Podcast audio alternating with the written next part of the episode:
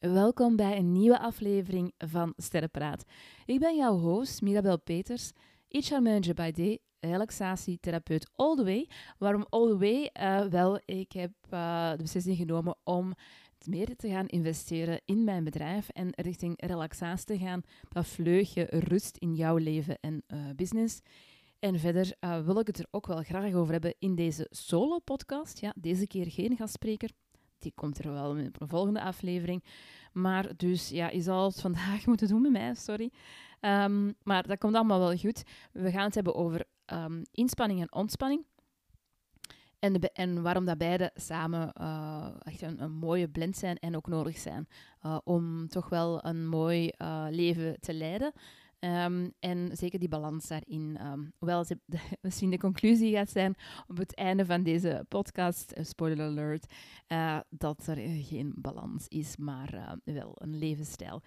Deze podcast is voornamelijk voor mensen met hoogsensitiviteit en ook wel um, voor mensen die, laten we stellen, ADHD hebben, concentratie-issues of gewoon een hoge uh, momenteel in een hoge fase van stress zitten uh, door persoonlijke situatie of werksituatie.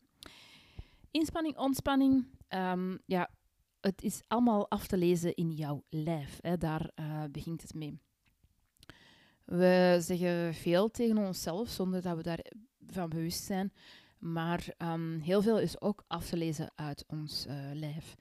En daarom is het ook belangrijk, en mag je er zeker ook bij stilstaan, dat je zelf jouw eigen triggers gaat herkennen.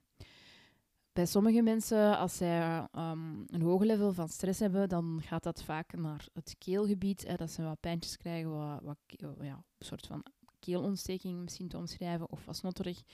Bij anderen beginnen ze allerlei tikken te krijgen, of, ik bedoel dat niet tikken tegen je hoofd, dat zeg ik nu wel. Maar ik bedoel, ja, zo een keer met, met je benen zitten schudden of zo. Uh, dat is ook eigenlijk een mechanisme om uh, stress te ontladen.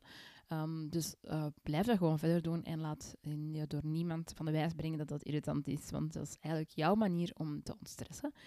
En bij anderen gaan, ga je al wat verder zitten. Je, hebt verschillende stressniveaus. En we willen eigenlijk graag in de groene-oranje zone blijven. Hè. Wanneer we daarboven of daaronder gaan, dan wat ga je merken? Um, als je eronder gaat, dan ga je een, een zeer ja, passieve houding hebben. Het kan bij beide, als je erboven gaat ook. Um, maar dan, als je erboven gaat, dan stopt jouw hoofd niet met hollen. Je kunt het eigenlijk vergelijken met een naderende burn-out uh, als je in de rode fase gaat. En als je eigenlijk meer op nulniveau een, meer een burn-out. hebt. Dus beide uh, hebben een negatief effect uh, op jouw lichaam. En we willen dus graag, als we willen, willen groeien met alles wat je in je leven wilt, zowel je business als misschien jouw familie of dergelijke, dan, um, dan ja, blijven we dus in die zone. Hoe dat we dat gaan doen, dat is uniek aan jou. Hè? Um, dus ik ga je geen wondermiddeltjes geven, maar wel um, een belangrijke tip is ontdekken welke, uh, ja, op welke manier je eigenlijk sensitief bent. Um, je hebt daar verschillende facetten, lagen in. Uh, de ene is dan meer in het voor het horen, de andere meer visueel. Hè. Dus als je visueel geprikkeld bent, ja, dan lijkt me dat niet zo uh, de beste manier als je s'avonds um, thuis komt of even een half uurtje voor uh, een momentje uh, stil zit, om dan te gaan scrollen op Instagram, uh, omdat dat ja, het ene beeld achter het andere, dus dat is echt wel een overspanning dat je creëert. Dan um, mag je wel je visueel gaan prikkelen, maar dan misschien eerder door een wandeling te gaan maken of gewoon vijf minuten gaan buiten staan en eigenlijk te benoemen wat je ziet. Hè. Um, dat is nu een voorbeeld voor mensen die daar um, meer visueel geprikkeld zijn. Maar bij sommigen kan dat ook de geur zien zijn um, en dergelijke. Dus het is uh, wat ontdekken bij jou van ja, misschien een combi kan ook. Hè. Dus dat is helemaal niet uitgesteld. En soms verandert het ook met de jaren, omdat jouw hormonen ook veranderen en uh, jouw gedachtepatronen ook veranderen. Dus daardoor verandert ook jouw um, hoogsensitiviteit en jouw prikkelbaar of prikkels die jij hebt. Dat is um, één uh, facetje. Dus eigenlijk kunnen benoemen wat is nu stress voor mij, wanneer, uh, wat zijn de signalen, um, of wat is de triggers in mijn omgeving waardoor ik in de rode of de nulzone geraak. Um, en een tweede facet is erover praten, erover babbelen. Communicatie is super belangrijk, want niemand zit in jouw hoofd en niemand zit in jouw lijf. Dus als dan niet met jouw directe omgeving communiceert, dan weten zij ook niet waar ze rekening mee moeten houden. Want ja, als je wellicht deze podcast luistert um, en een aantal afleveringen hebt geluisterd, dan is de kans reëel dat jij ook wel iemand bent die graag toegeeft aan anderen.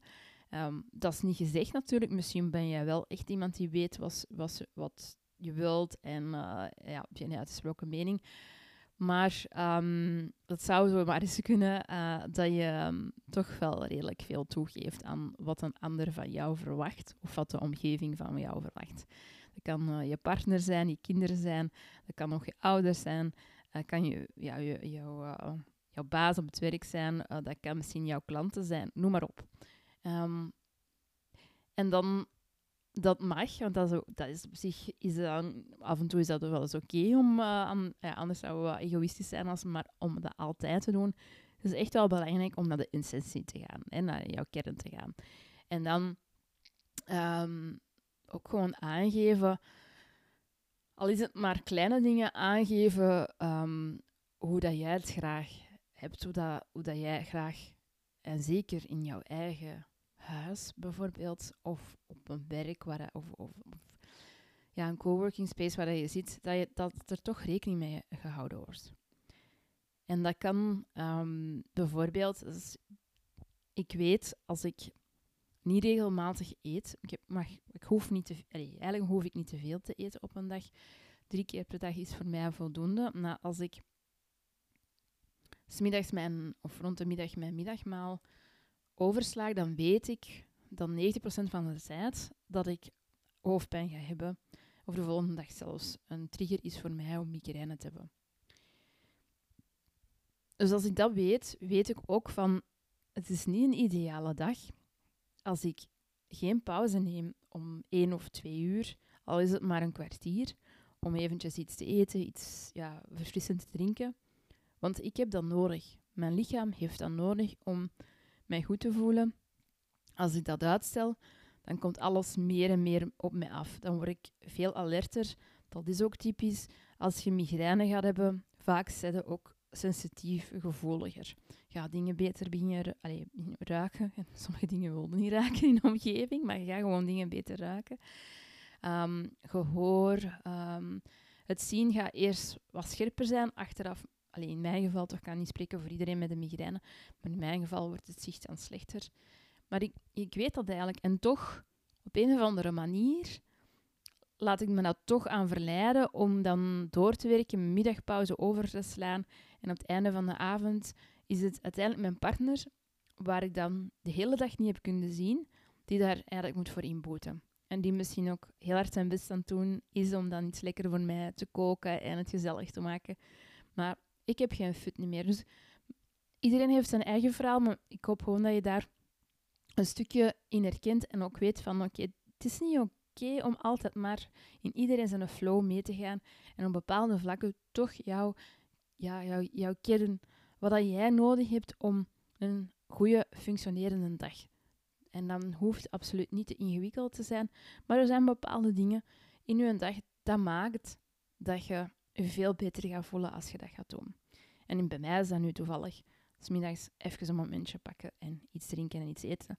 Lijkt heel banaal, maar op een of andere manier lukt me dat niet altijd om te doen. Dus guilty hier, ja, um, af en toe communiceren dat dat nodig is. Dan in dat geval aan mijn directe collega's, als ze dan iets inplannen. En nu weten ze dat, dat staat in mijn agenda regelmatig lunch. Als ik merk dat er, ja, dat is, mijn, dat is een regel dat ik dan weer zelf wat opleg. Als ik merk dat er drie werkdagen achter elkaar ik niet deftig heb kunnen eten smiddags, dan ga ik lunchblokjes uh, in, inboeken in mijn kalender. En dan hopen natuurlijk dat iedereen zich daarbij aanhoudt. Maar ik moet zeggen, dat is wel meestal het geval. Goed. Um, dus als um, je hebt enerzijds ontdekken wat zijn nu echt uw, hè, uw prikkels. Ten tweede aangeven en communiceren, dus erover babbelen. En ten derde is een soort van toolkit creëren, wat ik super zelf super fijn vind om te doen en te experimenteren en aan te passen. Dat is eigenlijk de nazorg. Hè. Uh, een voorbeeld kan zijn van, je, um, allez, over laatst heb ik hè, iets voor gehad en dat was, dat was gebeurd, een situatie. Hè, um, en er was geen allee, EHBO, dat duurde heel lang dat dat er was. Dus dat was een stukje van, wat heb ik nodig? Op dat moment had ik zorg nodig en ik, ja, ik kreeg geen zorg. Um, uiteindelijk is dat dan wel gebeurd en is dat toegediend, maar dat was niet opgelost. Dat moest nog nazorg. En ik zie allee, dat is zo wat een modewoord, maar ik zie dat eigenlijk als onze nazorg. Dat gaat een beetje helpen op het moment, maar het is vooral als je het lang doet en uh, regelmatig um, ja, een ritueel toepast, dat je er effect gaat van hebben. Je gaat daar vaak niet direct een effect van, van hebben op de eerste keer dat je dat doet. Terwijl we het er juist, als we het communiceren, dat zijn die zaken, dat zijn wel dingen die direct effect hebben op jouw dag. Dus het, ja, de toolkit, zal maar zeggen, dat zijn dingen die op lange termijn effect hebben op jou. Heb daar een fantastisch um, iets aan ontwikkeld en uh, dat is een methodiek. Um, brainwave massages, dat ik zelf toepas. Als ik zo wel wat in die hogere piek aan het komen ben en dat ik dus nood heb aan ontspanning, zowel van gedachten als uh, trillingen in mijn lijf, dat die allemaal een beetje tot rust komen. Het is aan jou om zelf te ontdekken wat bij, wat bij jou past en welke technieken. Uh, maar ook daar neem ik je graag in mee hoe dat je dat allemaal kan toepassen. En het is voornamelijk om het gewoon te doen, even vol te houden en dan kunnen voor jezelf concluderen, ja, deze is niet voor mij. Of ja, ik had dus eigenlijk niet verwacht dat dat zo'n effect op mij zou hebben. Effecten dat je daarvan hebt, is dat je natuurlijk wat rustiger in je lijf zit, maar ook je gaat ineens misschien veel spontaner dingen gaan doen dat je daarvoor gewoon geen ruimte voor had. Want dat is gewoon met hoogsensitiviteit. En zeker dan nog ja, dat we willen toegeven aan anderen. We blijven gaan tot ons dat vatje vol is. En dan, um, ja, dan kan het even duren dat het weer opgeladen is. Maar het is, als vatje uh, altijd een beetje naar beneden en naar boven gaat en niet erover loopt, ja, dan kun je eigenlijk wel blijven verder gaan. En dat is wat ik heb ontdekt door even te moeten stilstaan, door iets dat mij is overvallen. Ik wil het er niet per se over hebben wat het was. Maar in ieder geval, um, er moest toen eerste hulp gebeuren. En ik heb dan echt wel besef van, het kan ook. Ik kan ook gewoon blijven doorgaan, maar die drie zaken moeten, moet ik weten. Ik moet weten wat dan mijn triggers zijn. Ik moet ook goed communiceren, babbelen, aan anderen aangeven hoe dat, allez, hoe dat je in elkaar zit eigenlijk. En drie, die nazorg. Of die self-care, zoals dat uh, mooi, mooi overal op uh, Instagram en TikTok uh, over hebben. En dat is dan op de lange termijn. Als die drie dingen blijven en aanwezig zijn, dan hebben we een, een geniale match om gewoon echt te genieten van je, van uw leven en er iets fantastisch van te maken. Ik hoop dat je toch um, jou um, aan het denken hebt gezet en dat er toch al één ding is um, wat dat je zou kunnen oppikken. Deze keer ga ik ook geen prompts doen. Het is gewoon een babbel met mij. En um, ik hoop dat je ervan genoten hebt. En de volgende keer um, gaan we er weer voor op Sterrenpraat. Maar deze was hem voor vandaag. Merci om te luisteren. En uh, tot de volgende.